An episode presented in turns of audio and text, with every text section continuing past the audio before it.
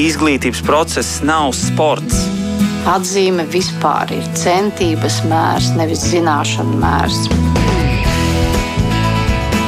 Mēs tiekamies ģimenes studijā.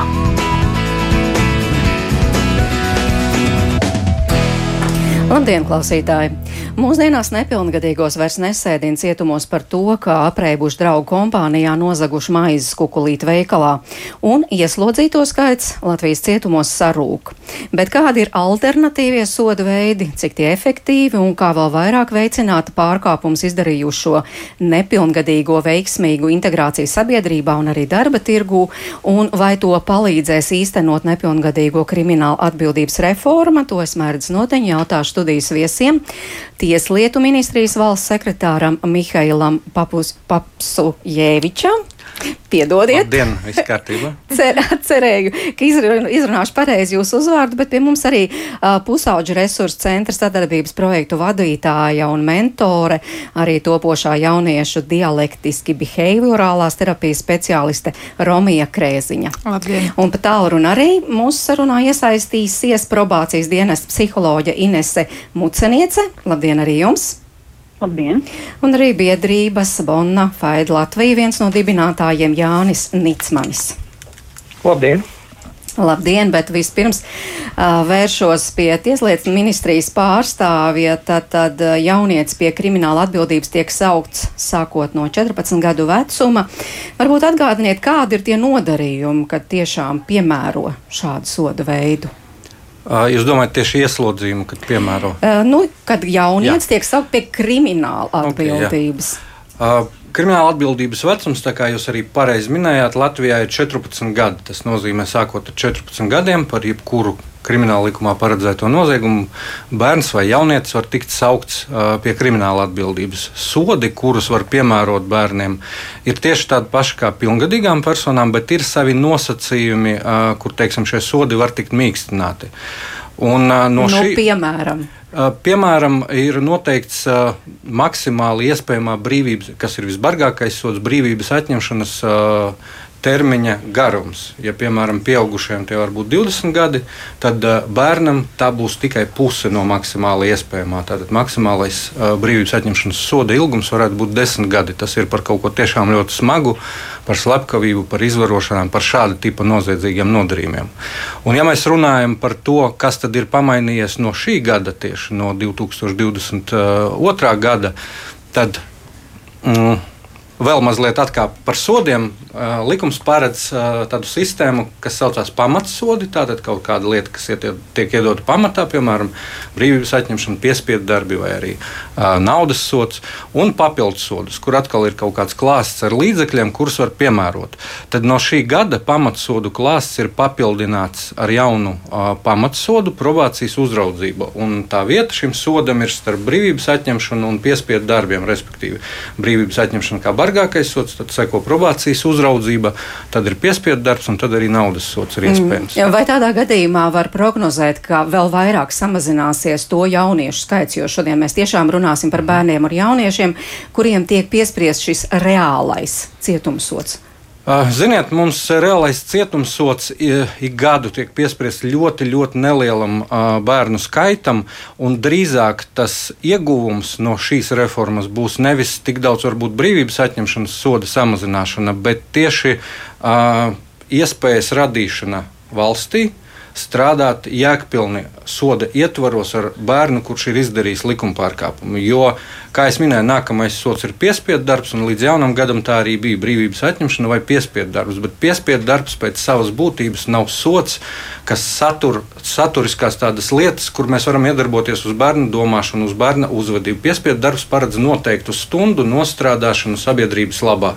Un tas ir tāds. Uh, pasākums, kas jānokontrolē, jāierāda šie darbi, bet tur nav tās komponentes, kas strādā ar domāšanu, ar cēloņiem, kāpēc cilvēks ir izdarījis mm. noziegumu. Nu jā, ja mēs paskatāmies uz to reālo sodu un uh, kā strādā ar šiem jauniešiem, kur tie izcieš, tur arī tomēr strādā ar jauniešiem, kā jūs sakāt, nu mēģinot mainīt viņu domāšanu, un ģimenes studija pirms raidījuma sazinājās ar cēsu audzināšanas iestādi nepilngadīgajiem, un kā tad tur strādā ar jauniešiem, stāsta iestādes priekšnieku vietnieks pulkveža leitnants Ivars Joksts. Šobrīd cēlās audzināšanas iestādēm nepilngadīgiem brīvības sodu izceļas 27 jaunieši. E, principā mums pēdējo trīs gadu ir nostabilizējies skaits, nu, kaut kur 30, 35. Ja mēs salīdzinām ar iepriekšējiem gadiem, ja tas pavilks statistiku, tad, teiksim, 2009. gadā bija 149, tālāk bija 2011. bija 68, jau zināms kritums. E, un ar katru gadu, teiksim, jau samazinās un samazinās skaits. Nu, es skaidroju noteikti ar kriminālu sodu izmaiņām, kad notikušas ir. Jo pirmā bija, ja nemaldos, 2013. gadā, tad jau mums bija skaits samazinājies. Tad bija 2015. Es domāju, tas galvenais tas motīvs bija. Ja, teiksim, pirms tām reformām vairāk jaunieši tika sodīti par mantiskiem, ja tas par zādzību un tādām, tad uh, dotajā brīdī tiesa izsver, un mums ir par sevišķi smagiem un smagiem noziegumiem. Nu, respektīvi, tas ir vai nu noziegums pret cilvēku, nonāvēšana, laupīšana vai pret seksuālo vardarbību. Nu, mūsu galvenais uzsvars ir darbiniekiem, lai mūsu jaunietis, kurš nonācis nebrīvē, justos uzklausīts, saprast un atbalstīts. Un uh, mūsu galvenais moto visiem jauniešiem jābūt iespējai saņemt atbilstošu un kvalitatīvu izglītību, uh, kas mums arī ir, jo mums pastāv skola, cēs otrā vakara vidusskola, var iegūt izglītību, gan pamat izglītību, gan vispārēju izglītību, un kā arī iespējams piedalīties dažādos rezolācijas pasākumos, kas galvenais viņus motivētu mainīties un attīstīties. Nu, mums ir gan uh, individuālās apmācības, teiksim, psihologa, sociālā darbinieka, kā arī restorācijas darbinieki vada programmas. Uh, kā arī ir uh, mums tādas piecas pamatbloka tēmas, ir, kur mums ir uh, divas programmas, ir tieši sadarbībā ar valsts probācijas dienas. Tas ir uh, programma, kur noziegums izdarījuši dzimumu noziegumus. Programmas ilgums ir no deviņiem mēnešiem, nu, apmēram līdz pusotram gadam, kā arī otra programma, kas ir ļoti būtiska arī sadarbībā ar probāciju, ir uzvedības korekcijas programma personām, kuras izdarījušas sevišķi smagus noziedzīgus nodarījumus. Un šī programma arī ir ilgums apmēram no 9 mēnešiem līdz pusotra gadam. Un vēl mums ir sociālās uzvedības korekcijas programma EQUIP, kur uh, mērķis ir iemācīt jauniešiem domāt tālredzīgi, iedrošināt un sagatavot jauniešus un rīkoties atbildīgi, lai nepieļautu noziedzīgi nodarīt un tā tālāk. Nu, un tad vēl mums ir ļoti populāra programma atkarības profilaks nodarbības ciklus pēc 12 soļu ministrs programmas. Mērķis ir mazināt atkarīgo vielu lietošanu. Un ir vēl viena pamata uh, programma pārmaiņām. Jā. Galvenais mērķis ir uh, jauniešiem veicināt un stiprināt motivācijas pārmaiņām. Tā kā tās tās galvenās programmas, ko mēs veicam. Jauniešiem mums ir arī pēc dienas kārtības arī brīvais laiks, kurā viņi var nodarboties ar sporta nodarbībām. Tālāk ir muzikas pulciņš, tālāk ir garīgai attīstībai. Mums ir arī kapelāns, kapelāna dienas, ja, veiksmīgi strādā. Tālāk dažādi rokdarbu pulciņi ir. Tā kā mums viss notiek, jā.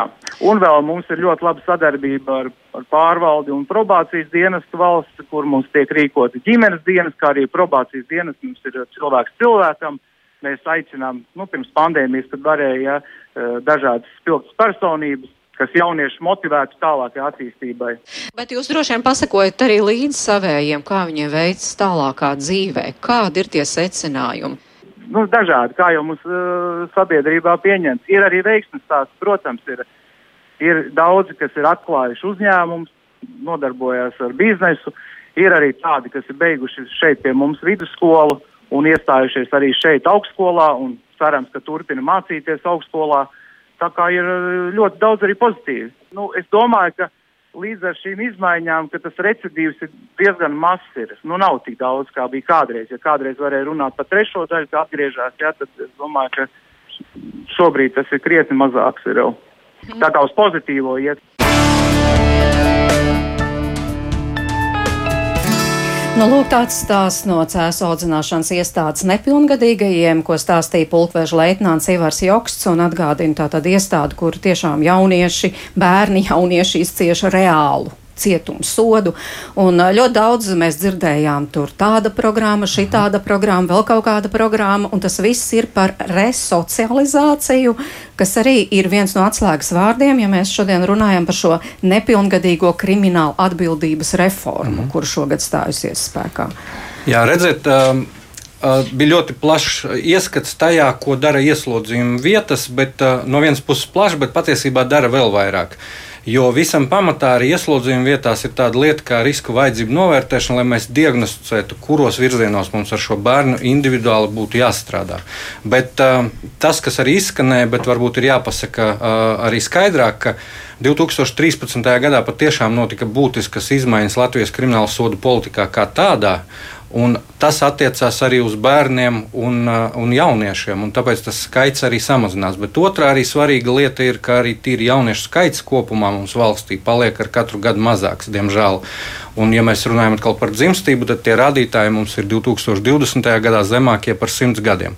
Bet otrs būtisks bloks, kas arī tika pieminēts, kur tad paliek pārējie jaunieši, jo vai tad jaunieši pārstāja izdarīt likuma pārkāpumus? Nē, uh, bet mums ir jau šobrīd attīstīta sabiedrībā izciešamo sodu sistēma. Un tas, ko mēs darām ar šo reformu, mēs viņu vēl pilnveidojam vairāk, kā es minēju. Jo šobrīd sanāca tā, ka ļoti liela daļa bērnu saņēma sodu piespiedu darbs.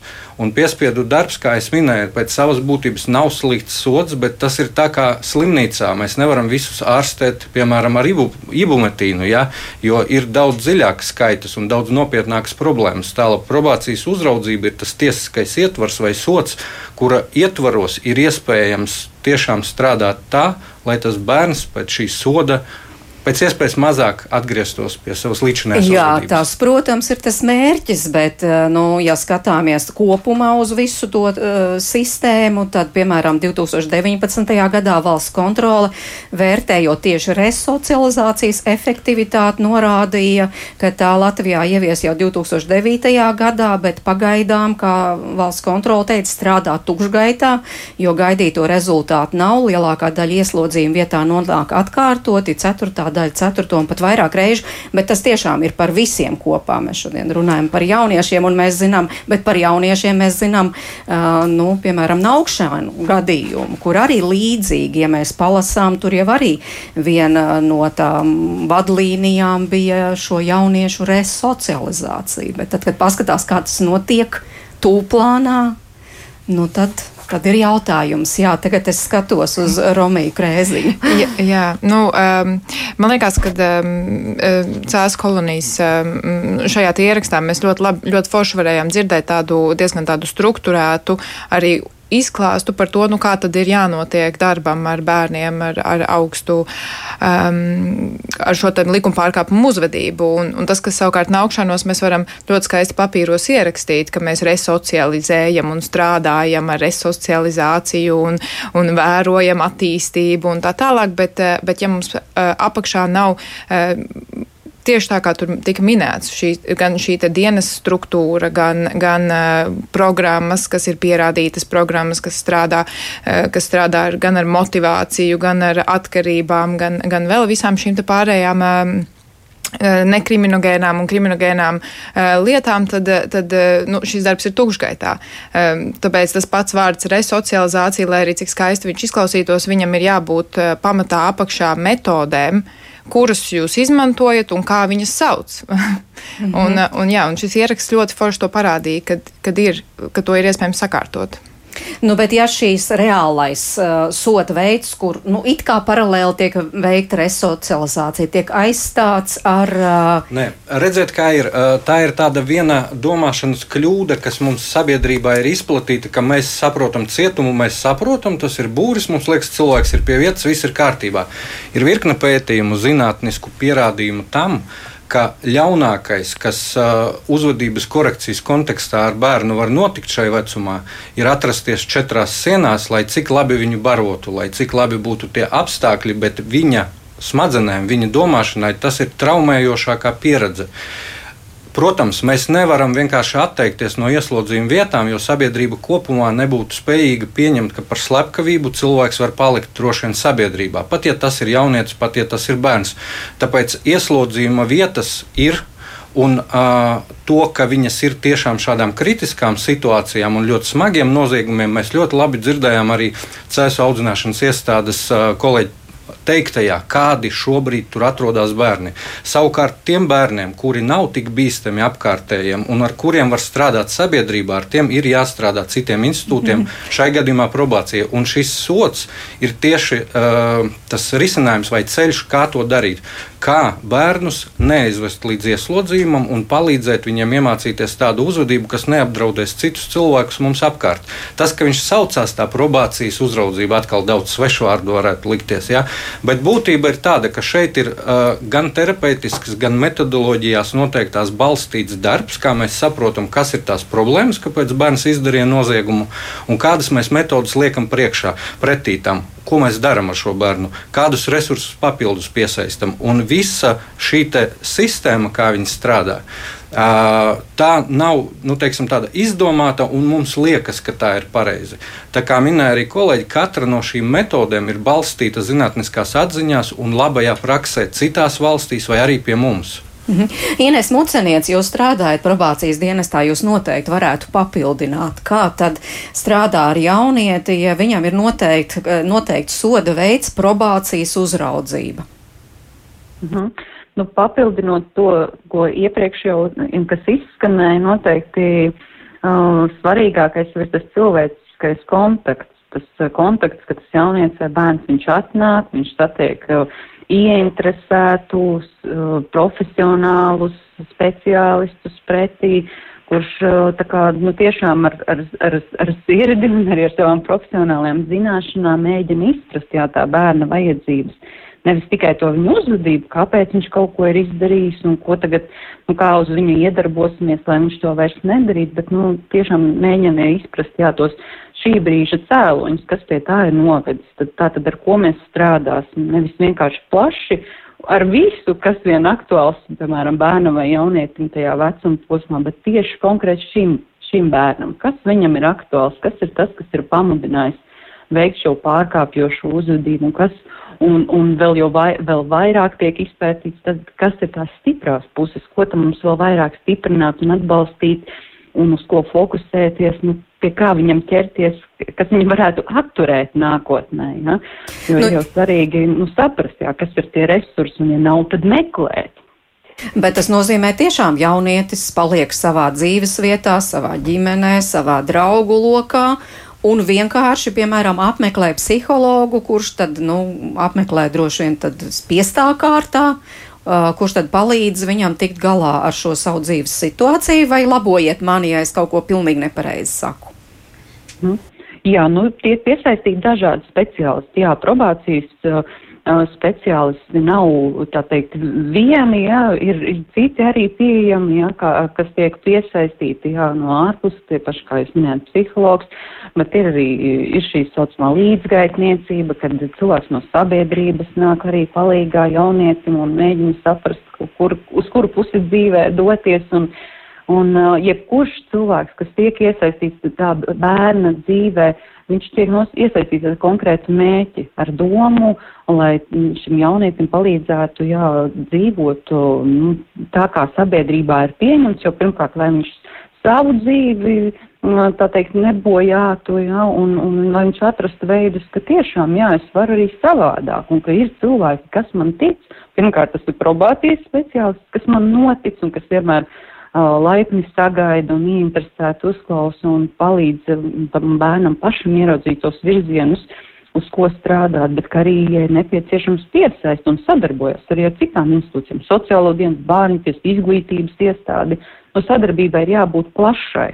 Protams, ka viens cilvēks uh, dara labu, bet ja mēs esam vairāk, ir vēl labāk. Nu, te jau pieminēja, tā tad varētu būt arī nevalstiskās organizācijas kā sadarbības partneri, piemēram, Jāni Nicmani, jūsu pieredze. Jā, mēs ieslodzījuma vietās darbojamies kopš 2018. gada, un uh, man ir tāda sajūta, ka uh, mēs jau esam ieguvuši zināmu reputāciju vai vārdu arī cilvēku vidū, kas izcieš sodus. Un šobrīd esam sākuši darboties arī no augšēnos, kas tikko tika minēti. Un no manas puses, varbūt arī papildinot to, ko iepriekšējā runātāja teica, man šķiet, ka tās lielās lietas, ko varētu brīvprātīgie darīt, tieši saskaroties ar bērniem, kas ir izcietuši sodu vai izcieši sodu, ir uh, neformālā izglītība un uh, brīvprātīgais kā uh, lomu modelis. Tas ir nu, kaut kāds pozitīvs piemērs, kam tas bērns grib līdzināties. Un, un runājot par sodu izciešanu, man šķiet, nu, vispār par, par audzināšanu, man šķiet, ka bērni ļoti nopietni izturās pret to, kā pieaugušie paši uztver tevis mācīto, piemēram. Protams, ka mēs varam gudri mācīt bērnu par to, ka pīpēt ir slikti, ka tā ir antisociāla uzvedība, un ja bērns, piemēram, pēc stundām redz, ka tas pats skolotājs stāv pie ieejas un ar citiem skolotājiem pīpēt, viņš, protams, izdara savus secinājumus. Un man šķiet, ka brīvprātīgie ir tieši tie, nu, tas resurs, kas varētu palīdzēt bērnam saskatīt, nu, to tēlu, jeb, jeb to cilvēku, kam viņš vēlās līdzināties dzīvē. Man, šķiet, ka tā ir tāda ļoti, ļoti spēcīga lieta, ko mēs varam izdarīt. Un, un, un vēl viena lieta, protams, arī, kas ir uh, balstīts mūsu atziņās, ir tas, ka ļoti daudz bērnu uh, netic sev. Uh, Viņi netic savām spējām kaut ko sasniegt dzīvē, un tas sots ļoti bieži arī no viņa puses tiek uztverts kā tāds eh, nu, negatīvs rezultāts, kā nesapnīga atzīme tajā dzīves eksāmenā. Un brīvprātīgais var palīdzēt viņam noticēt, ka tā tas nav, un nu, patiesībā, ka mēs visi izdarām savā dzīvē kļūdas. Daži daudz izdara cita veida kļūdas, bet jebkurā gadījumā mums jāmēģina vēlreiz, un, un ja bērns notic, ka viņš to var izdarīt, tad es domāju, ka tas varētu būt ļoti, ļoti liels atbalsts tam, ko iestādēs dara speciālisti. Jā, no Romija, bet es tomēr atgriežos pie tā, faktiski, ja tiek noteikti šāds soda veids, tātad probācijas uzraudzība, tas nozīmē, bērns paliek savā vidē. Mm -hmm. nu, tas tomēr ir būtisks jautājums. Tie paši draugi, tie paši vecāki, kuri nevienmēr rāda to labāko piemēru, kā vajadzētu, kā mēs dzirdējām, kas ir tas ideālais. Ja mēs domājam vispār par uzvedību un par uzvedības ģeneralizāciju, nekur nav iespējams iemācīties labāk pareizi uzvesties kā tur, kur tu patiesībā esi un kur tu patiesībā dzīvo. Um, un, ja ir prasmīgi speciālisti, kas adresē, um, nu, šeit arī tika runāts par šo te atbalstu un, un, un atbalstu speciālistiem un, un tā, bet man liekas, ka ļoti ļoti, nu, viena nu, ļoti svarīga lieta ir tas, ka uh, liela daļa no bērniem ir ļoti maz motivēti iesaistīties un, un, un attiecīgi šīm nemotivētā iesaiste nāk arī no tā, ka viņi netic sev, ka viņi netic savām spējām. Un, un tad, attiecīgi, ja mēs domājam par, um, mēs nevaram tikai pateikt probācijas dienestam, tagad ir jāstrādā ar šiem te bērniem, bet tad mums vajag pielāgot konkrētas apmācības probācijas dienas speciālistiem, kas strādās ar gan ar šo te motivāciju, gan ar uzvedības ģeneralizāciju. Tātad iemācīt, kā tu savi vari savā vidē, ap, nu, gan veidot apkārt savu vidi, gan izpaust šīs te uzvedības, kuras tu iemācies kontaktā ar šiem atbalsta speciālistiem. Tātad vislabākā vieta, kur, kur um, veidot, pārveidot savu uzvedību, ir tur, kur tu patiesībā dzīvosi, bet ir jābūt pretī tātad speciālistiem, kuri māk gan to, nu, kā, gan to atbalstīt un veicināt, gan arī strādāt ar tavu motivāciju, lai tu vispār gribētu mainīt kaut ko. Tieslietu ministrija, bet varbūt mēs tā pārāk šauri tagad ieskicējam, ka tas ir tikai psihologs, pie kura nu tad tas jaunietis vai bērns tā teikt piestaigā piespiedu kārtā. Um, nē, mēs, es domāju, mēs tā neieskicējam. Mēs taisni otrādi šobrīd diskutējam par plašāku par, par plašāku, un arī probācijas pārstāvu teica, un tas, ko arī uh, šobrīd mēs dzirdējām, ka mēs runājam par iespējami plašāku vajadzībām atbilstošu cilvēku loku tam apkārt. Un es arī gribētu papildināt to, ka uh, kāpēc, piemēram, Jā, jums ir pilnīgi taisnība. Ja mēs runājam, kas ir tie faktori, kas veicina noziedzību, visbūtiskākais ir vide, kurā cilvēks dzīvo. Bet no otras puses, Tur ir viņa vecāki, tur ir viņa draugi, tur ir cilvēki, ar kuriem ir šī piesaiste. Tad jautājums, kā no turienes aiziet un uz kurien aiziet. Ja? Jo sevišķi jauniešiem, ja mēs runājam, piederība grupai, tā ir viena no tādām pamatvajadzībām. Vienkārši tā ir tik svarīga lieta, ka nekas varbūt cits svarīgāks nav. Ne vecāki, nekas cits, bet tieši piederība grupai kaut kādai cilvēku grupai. Tad jautājums, ja mēs iesim un teiksim, šī grupa ir slikta, moralizēsim, ja teiksim, šī grupa ir slikta, ej prom no viņiem, nedraudzēs ar viņiem. Tas nestrādās. Šis bērns aizies arī no tā speciālista projām. Tāpēc tā speciālista kvalifikācija un specializācija, izprast bērna vecuma posma īpatnības, tas ir viens aspekts. Un tās ir atkarīgas tieši no tā, kā attīstās cilvēka smadzenes. Mums var likties, ka bērns jau ir izaudzis, viņam ir 16 gadi, viņš ir liels, spēcīgs un viss ar viņu ir kārtībā. Viņš domā tieši tāpat kā pieaugušais, bet tas tā nenotiek. Jo virkne smadzeņu apgabala viņam attīstās 25, 27, 30 gadi, un tikai tad viņš kļūst patiesībā tāds pats pieaudzis kā mēs. Un to mums visu ir jāmāk pirmkārt jāzina, jāapzinās specialistiem un jāmāk ar to strādāt atbilstoši vecuma posmam. Tātad šeit mēs runājam par specialistu kvalifikāciju. Un probācijas speciālists, tas, ko runāja probācijas speciālists, viņam nav jābūt tādam tādam soģim, pie kura atnāk, un viņš tagad pasaka, kāda ir tā pareizā uzvedība. No tāda visa bēgs projām.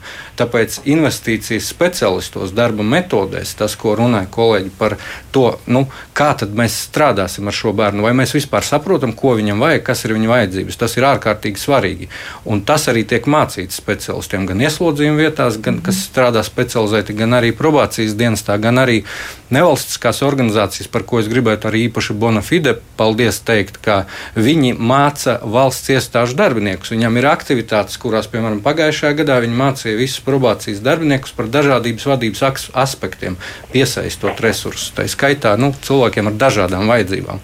Un tas viss kopā palīdz veidot mums eh, tiešām atbildīgu sabiedrību, gan nu, valstī, gan nevalstiskajam sektoram. Nu, jā, tas, protams, ir jautājums, viens jautājums, vai tiešām tik kvalificēti jau jums ir tur tie speciālisti, jo mēs zinām, ka speciālistu trūkst, eh, vairāk kārt ir runāts tieši, ja runājam par šo vecumu posmu, pusauģi, jaunieši, kur eh, ir vajadzīgs mm. specifiskas zināšanas, specifiska pieeja, par ko jūs runājāt, ka šādu speciālistu trūkst. Un otrs, es lasīju, ka e, Iespējams, ka tieši šāda veida darbs tiešām ar pusauģiem un jauniešiem varētu būt efektīvs, jo vairumam nepilngadīgo problemātiska uzvedība ir pārējoša. Jā, mm -hmm. Romija. Jā. Tas, tas varbūt tiešām ir būtiski, vai ne? Um, es domāju, ka mm, jā, liela, nu, šis uzskats par to, ka lielākā daļa no problēmu uzvedībām ir pārējoši, tas tieši, nu, um, ja mēs domājam vispār par pusauģu, pusauģu attīstību vai vispār par bērnu attīstību, tad ir kaut kāds, tad šis pusauģu vecumposms ir tas, kur mēs redzam visvairāk šīs te problemātiskās uzvedības. Un tad, kad jaunietis iemācās atbildību par savu rīcību, iemācās sekas savai rīcībai un tā tālāk un tiek pāri šīm te grūtībām, tad viņam izveidojās tas tā saucamais dzīves spēka koncepts, un viņš principā savu tālāko dzīvi var nodzīvot arī, tā teikt, likuma paklausīgi. Jā, jo mērķis jau ir, lai ja tiešām vienu reizi tas likums ir pārkāpts, lai noteikti nekādā mm -hmm. gadījumā netiktu pārkāpts vēl. Jā. Jā. Otrais, trešo reizi vai pat um, ceturto reizi. Jā, un par to vīdi tad arī runājot, jā, um, ka um, bieži vien jaunieši no šīs te vides, viņi, ne, nu, viņi netiek projām, viņiem ir objektīvi iemesli, kāpēc viņiem tur ir jāpaliek.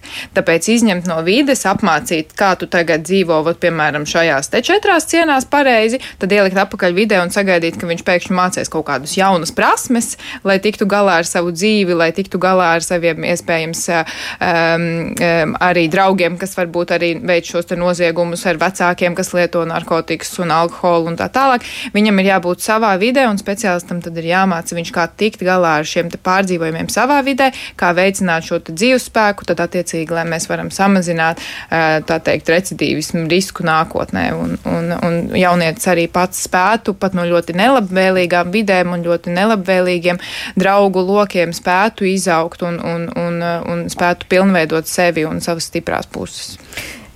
Jā, un es Jā. tikai gribēju teikt, ka speciālista uzdevums šajā smagajā posmā, kas ir jebkuram jaunietim, ir, kā man viens kolēģis teica, palīdzēt viņam izkuģot šo vecumu posmu, jo arī tīri statistiski no pētījumiem cilvēks 60 gados izdara noziegumus trīsreiz retāk nekā cilvēks, piemēram, 25, 30 gadu. Tātad tas vecums pats par sevi ir viens no rādītājiem, kas samazina šo vēlmi nu, pārkāpt likumu. Mm -hmm. Jā, vēl tomēr varbūt Ines Mucenietis piebilda pie šī, ka tiešām uh, nepilngadīgo problemātiska uzvedība ir pārējoša no jūsu pieredzes. Jā, nu mēs arī ļoti līdzīgi arī valsts probācijas dienestā mācības, kad um, organizējam un pievēršam šim jautājumam pastiprinātu uzmanību. Mēs ar darbiniekiem gan mācam, gan diskutējam par to, ka nu, šī, jebkurš vecuma posms ir ar kaut ko īpašu. Jā.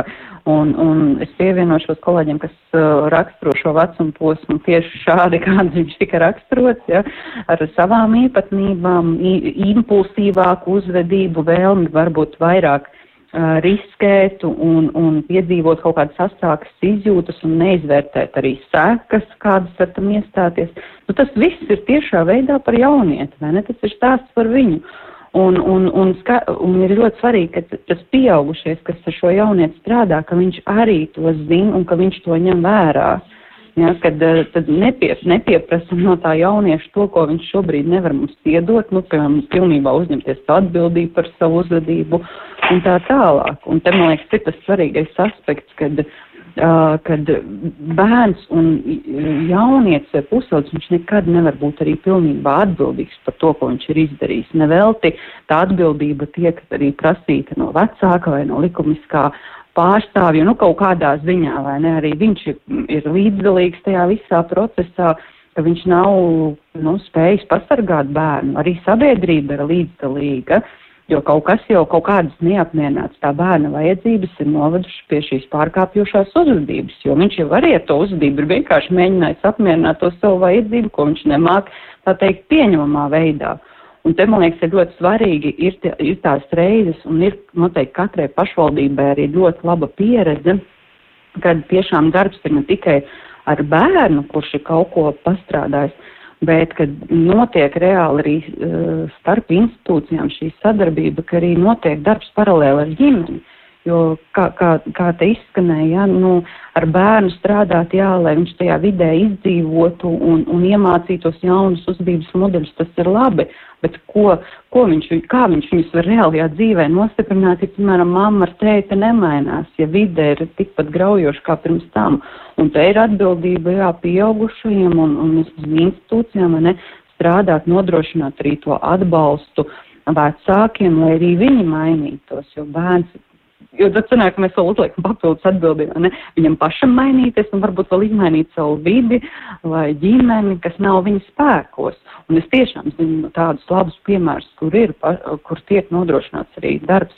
Uh, ne, ne, ne probācijas dienas ietvaros vai ieslodzījuma pārvaldes ietvaros, bet nu, caur sociālo dienas vai kā savādāk vai nevalstiskajām organizācijām atbalsts tieši tiem vecākiem. Un ir tādas pieredzes, ka izmainās vecāki un mainās arī bērni. Tad jautājums, kurš, kurš tad bija par to atbildīgs? Nu, tā, protams, vienmēr ir ģimenes lieta un atgādina mūsu klausītājiem. Tātad eh, šodien ģimenes studijā runājam par nepilngadīgo kriminālu atbildības reformu, kurā, eh, nu, tomēr paredz uh, biežāk piemērot kādu no alternatīvajiem sodu veidiem, nu, piemēram, probācijas uzraudzību, nevis reālu cietumsodu. un uh, par to mēs šodien runājam ar Mihailu Papilseviču no Tieslietu ministrijas, Romiju Krēziju no Pusauģu resursu centra, Inesi Muceniec no probācijas dienesta un Jāni Nicmani no biedrības Bonafide Latvija. Uh, bet um, mums arī klausītājs raksta, nu, piemēram, Inta raksta, būtu interesanti uzzināt, kur tad ir Latvijā uh, mazgadīgo visbiežāk izdarītie likuma pārkāpumi un kā mēs izskatāmies uz pārējo Eiropas valstu fona. Uh, faktiski jau ieskicējām raidījuma sākumā, bet varbūt mazliet vēl atgādiniet. Un Jā. es vēl ar tādu papildu jautājumu, bet cik, cik efektīvi vai kāds jau ir izmērījis, cik efektīvi ir šie alternatīvie soda veidi, par kuriem mēs šodien runājam? Nu, ja mēs runājam, sāksim ar šo beidzamo jautājumu, ja mēs runājam tieši par tā piemērošanu Latvijā un izpēti, viņi vienkārši nav iespējami, jo nav vēl neviena gadījuma. Tas ir jauns likums, kurš stājās spēkā tikai ar 1. janvāri un tiks piemērots arī tiem gadījumiem, kad nodarījums, nu, noziegums būs noticis sākot ar šo gadu un uz priekšu pakāpeniski krāsies. Bet kopumā, ja mēs runājam par sodu efektivitāti, tad ir viena vispārīga lieta, kas ir gan Latvijā pētīta, protams, ne tikai par nepilngadīgiem, bet par visu grupu arī pilngadīgiem problēma. Gan arī pasaulē daudz ir pētīta. Un, ja mēs runājam par efektivitāti, tad jebkurš sabiedrībā izciešamais sots no tāda jauna nozieguma atkārtojamības viedokļa vienmēr ir ar zemāku varbūtību nekā tiem cilvēkiem, kuri izcieš reāli cietumsodu. Un tas ne tikai tāpēc, ka tur ir labs cietumsods vai, vai slikts cietumsods, tas tā ir jebkurā valstī ar dažādām sistēmām, kur nu, vienādi, piemēram, labs ir gan cietumsods, gan sabiedrībā izciešamie sodi, gan arī vienādi slikts gan cietumsods, gan sabiedrībā izciešamie sodi. Jo cietums pēc savas būtības arī ir jāsaprot, ka ir vide kura ir ierobežota un kur koncentrējās cilvēki ar ļoti līdzīgu uzvedību, ļoti lielās masās, un viens ar otru miedarbojoties, iemāca arī ne tās labākās lietas, kas ir vienmēr jāpaturprātā ar jebkuru vecuma grupu. Ja mēs runājam par sodiem, tad par ko tad visbiežāk Latvijā tiek notiesāti bērni un jaunieši, tad tās ir klasiski tādas divas, divas lielas līnijas. Vislielākā ir saistīta ar mantiska rakstura noziegumiem, sīkās zādzības, zādzības, laupīšanas, mantas mantas bojāšana, kaut kāda zaktas mantas slēpšana un tā tālāk. Un otra lieta, kas varbūt arī kopā ar pirmo ir saistīta ar dažādu atkarības vielu lietošanu saistīti noziegumi, piemēram, narkotikās vielas, vai arī tā pati zādzība ir pastrādāta, bet līdztekus tur ir arī šo atkarības vielu lietošanas problēmas. Mm -hmm. Bērnam. Jā, bet runājot par šo alternatīvo sodu efektivitāti, jūs teicāt, Latvijā tā nav pētīta. Ir pētīta. Ir... ir. Es teicu, ka gan Latvijā, gan pasaulē ir pētīta, un arī Latvijā, bet ir pētīta uz visu grupu.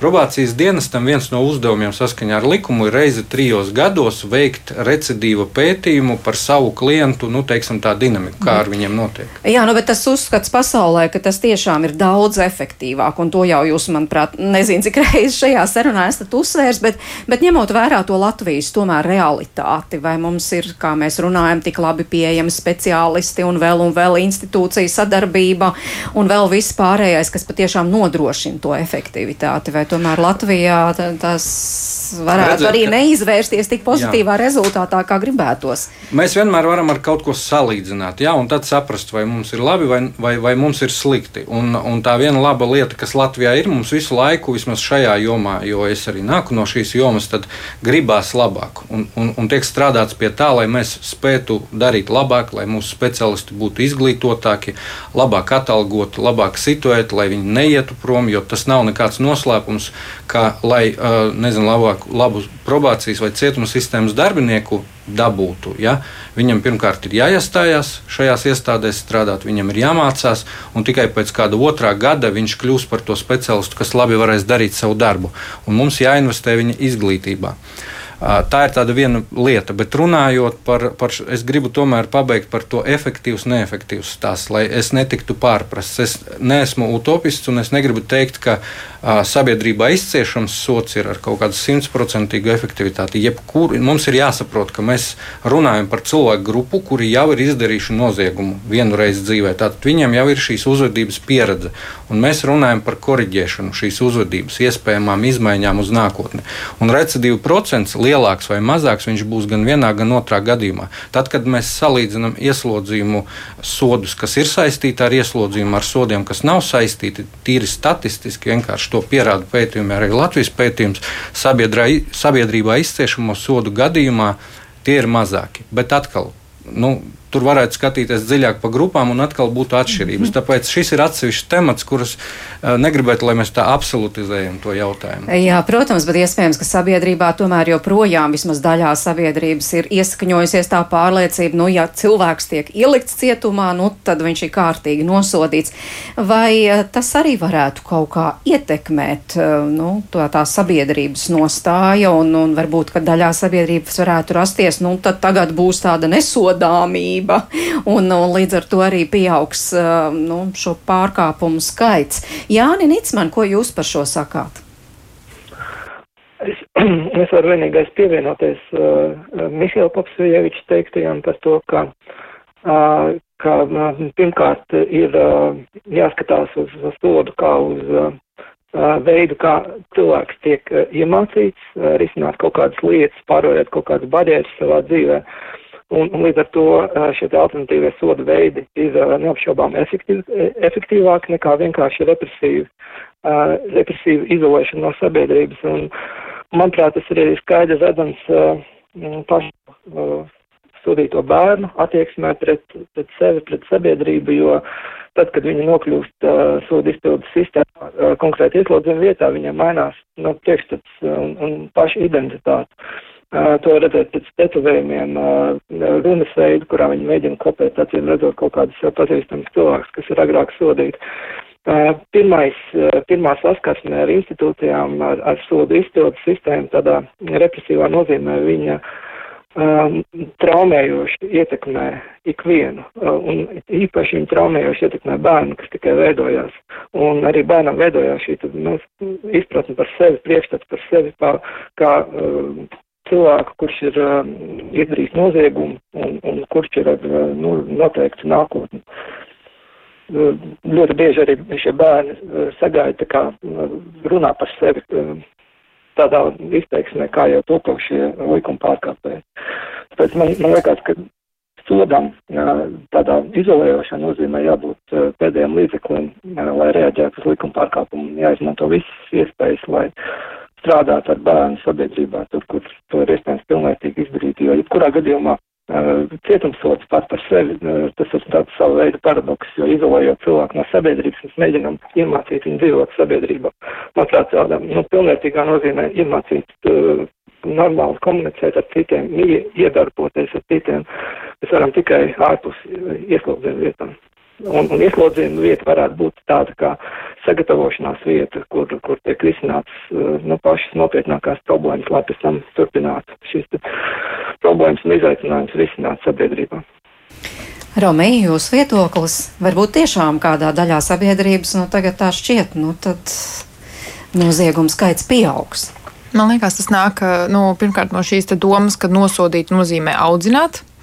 Ehm, bet nu, sots pas, pats par sevi nav audzināšana. Audzināšanas metode audzināšana ir, ir, kā jau mēs šeit visi visu laiku runājam, ir mācīt uzman, uzvedības, sniegt atbalstu um, un, un visādi citādi iedarboties. Bet, bet pats sots, šis cietumsots, viņš bērna, bērnam konkrēti viņa iespēja, ka viņš atkārtot veiks likuma pārkāpumu, viņš neko, viņš neko neiedod un potenciāli sabojā vēl vairāk. Um, un kā jau jūs arī pats pirmīt minējāt, jo man šīs statistikas nav, nestāv galvā, ka puse, ja, puse no bērniem um, neatkārto likuma pārkāpumus tālāk savā dzīvē. Um, Nē. lielākā, kā tur bija lielākā daļa no jauniešiem? Uh, tas bija, jā, tas bija no cēsu iestādes, ka tur, manuprāt, izskanēja, ka apmēram, nu, katrā tas bija valsts kontrolas ziņojumā, bet tam tur bija apskatīta ziņ... grupa tikai tie, kas ir izcietuši cietumsodu, un tas visās valstīs tas, tā, tā ir vienkārši jā. tie, kas izcieš ieslodzījuma mm -hmm. sodu, viņu recidīvs ir augstāks, es jau minēju, nekā tiem, kas nav. À, nē, mēs, mēs vienkārši pirmīt runājām par šiem te, par šiem te pusauģiem, kas, kas pusauģu vecumposmā ir izdarījuši kaut kādu noziegumu, pēc tam tālākajā dzīvē vairāk noziegums neatkārto. Un tur parādījās kaut kāda puse vai kaut kas tam līdzīgs. Un kaut ko es pilnībā pie, pieņemu, ka tā arī varētu būt, zinot šo bērnu attīstību. Un tad padomājiet, ja mēs šo pusi, kuri vairāk nekad neatkārto noziegumus, uzreiz nosodam, uzliekam viņam zīmogu, tu esi likuma pārkāpējs un, un, un, un, un tā tālāk. Un tad mēs principā varam bērnus, kuri vairāk nekad neatkārtos šo likuma pārkāpumu, pasākumu, um, nu, tā teikt, ar šo te sodu, ar šo te piespiedu pārmērīgi lielo sodu patiesībā padarīt par likuma pārkāpējiem. Jā, jo tas tomēr ietekmē visu viņa dzīvi, pēc tam dokumentos tā teikt, tas um, gan dokumentos ir redzams, jā, jā. vienalga, gan ejot kaut kur mācoties, turpinot izglītību, meklējot darbu un tam līdzīgi. Ai, Alvis klausītājs rakstā, probācija attiecas uz jauniešiem, kas jau ir izgājuši cauri tiesveidībai, bet kā novērst to, ka patsmitnieki, patsmitgadnieki, kas zog riteņus, tiktu ārā no aburtā loka, kas viņus ievelk šajos nodarījumos? Sociālie dienas netiek ar šīm situācijām galā un nodarījumi kļūst arvien smagāki, plus bieži vien nāk klāt arī atkarības. Hmm. Romija. Man liekas, šis būs, šis, šis ir, šī ir kārtē, kārtējais jautājums par, par ģimenes, par vides, kurā bērns uzaug, par skolas ietekmi, respektīvi izglītības iestādes, par so, so, sociālā dienesta stiprināšanu un, un spējām. Un, un, man liekas, ka šis ir tas, tas gadījums, kur, kur ir ļoti daudz puzles mainīgie, pie kuriem katra ir jāstrādā atsevišķi, lai panāktu to, ka šie jaunieši um, nu, kad šīs uzvedības konkrēti samazinās pirms nokļūst pie tiesvedības. Jā, jo tas ir ļoti būtiski. Un es šeit varu tikai pievienoties, jo ir tāda nu, jēdziens, atkal svešvārdi, bet, uh, bet, bet saucās prevencija. Ja, kā, Prevencija. Ko mēs darām, lai novērstu? Jo Tad, kad mēs runājam par sodu sistēmu, es domāju, ka kopumā, ja mēs salīdzinām šīs divas jomas, prevencija, kopumā prevencija visās dažādās atkal vecuma grupās, kas, kas, kas bērnam ir svarīga, un sodu daļu, kad jau ir pieķerts un nosodīts, ka mēs esam pēdējos gados sodu šo daļu, arī saturu, kā darīt, kā to sodu jēgpilnu padarīt, esam attīstījuši ļoti intensīvi, bet mums ir vairāk jāpievēršās turpmākajos gados nu, dažādu gan valsts politikas līmenī, gan arī aktivitāšu līmenī tieši preventīvajam darbam, gan ar bērnu, gan ar bērna vidi, proti, ģimeni, kas ir pirmā vide, no kurienes nāk un pārējām. Lietām. Jā, nu, diemžēl runājot par šiem jautājumiem, uz papīra nereti viss izskatās ļoti smuki, bet dzīvē viss ir citādāk, un tā arī ir problēma. Varbūt Ines Muceniec, jums te kas vēl piebilstams?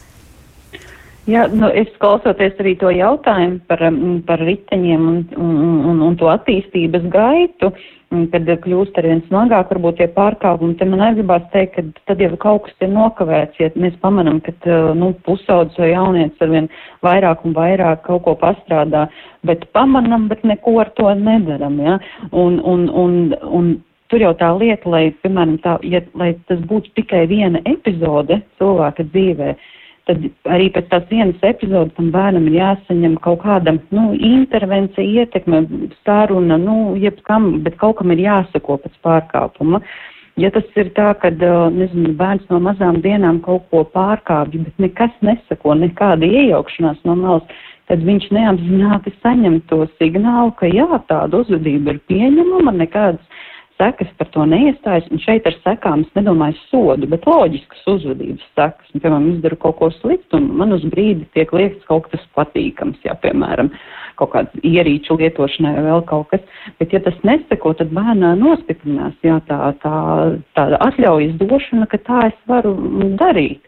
Un, un, bet atkal, es atkārtošos, ka tā nav bērna atbildība, ka pieaugušie to nepamana un tikai nu, pieaugušais par to ir atbildīgs. Un, man liekas, tas, kas šobrīd ir ļoti labi, bet nesaistīti no, ar, ar sodu izpildi, bet, bet vispār, kad tiek par bērnu uzvedību, par uzvedības tādu maiņu domāts jau pirmsskolas vecumu bērniem.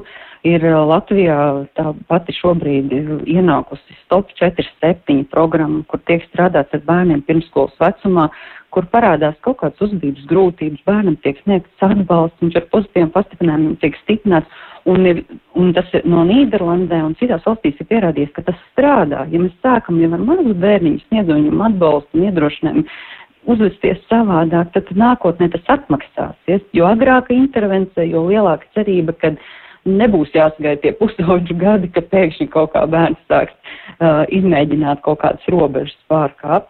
Tā kā jo ātrāk kaut ko darīt lietas labā, jo labāk. Tas, kas jau ir pēc tam jauniešu vecumā, es teiktu, kas ir tas arī cerīgi, arī tad ir jāstrādā. Neviens vecums īstenībā nav tāds, es, piemēram, apgalvotu, ka nav vērts strādāt. Nu, un ka tikai ar bērniem vai jauniešiem, ar jebkuru cilvēku mēs varam strādāt, un, un galvenais ir ticēt uh, speciālistiem, ka tās pārmaiņas ir iespējams un nodot to vēstījumu arī tam cilvēkam. Izklausās cerīgi, bet kāda māma mums rakstīja, es zinu, kurš kaimiņu pusaudzis regulāri apbežo mazākos un atņem mantas, un man kā mammai gribētos pārliecību, ka kāds ar šo pusaudzi strādā. Diemžēl reālajā dzīvē nekas tāds nenotiek, un mēs esam bezspēcīgi aizstāvot savus bērnus. Es negribētu tā pesimistiski beigt, bet ko jūs atbildētu Mihailo šai mammai? Es atbildētu, ka vajadzētu aprunāties. Pirmkārt, es nezinu, protams, par kādu vecumu posmu jaunieti ir runa, bet aprunāties ar sociālo dienestu un vērst arī viņu uzmanību šim jautājumam. Un, uh, ir tā, ka uh, mums cilvēkiem diezgan raksturīgi arī raidījums ar to sākās. Mums liekas, ka, ja ir kaut kāda vieta, kur mēs to problēmu varam paslēpt vai noslēpt, piemēram, nu, cietums mūsu izpratnē, cilvēku izpratnē vairākumam tāds ir. Mums liekas, problēma ir atrisināta, bet viņa netiek atrisināta. Arī šajā gadījumā, piemēram, tas, ka šai piemērā ar to jaunieti nezinu, atnāktu policists un viņu tajā mirklī no turienes paņemtu. Tas nenozīmē, ka rīt viņš nedarītu to pašu. Tāpēc, tāpēc šajā gadījumā es aicinātu sazināties un informēt sociālo mhm. dienestu un lūgt viņu iesaisti. Un tad, noslēdzot sarunu, mēs varam teikt, ka nepilngadīgo krimināla atbildības reforma ir atkal nākamais solis uz lietu risināšanu, nevis noslēpšanu? Tieši tā, tas ir vēl viens solīts pretī tam, lai lietas risinātos labāk šajā jomā. Un tā ir, es gribu uzsvert, ka tā ir iespēja. Iespēja gan jauniešiem, gan ģimenēm viņu, gan arī mums sabiedrībai kopumā visiem iespēja vēl kādu daļu jauniešu tajā grupā ar laiku, lai viņi nonāktu, kuri neizdara citiem pāri, nedara likuma pārkāpumus un tā tālāk. Tā ir tikai iespēja, un mums, gan specialistiem, gan sabiedrībai, ir jāiesaistās, lai to arī izmantotu.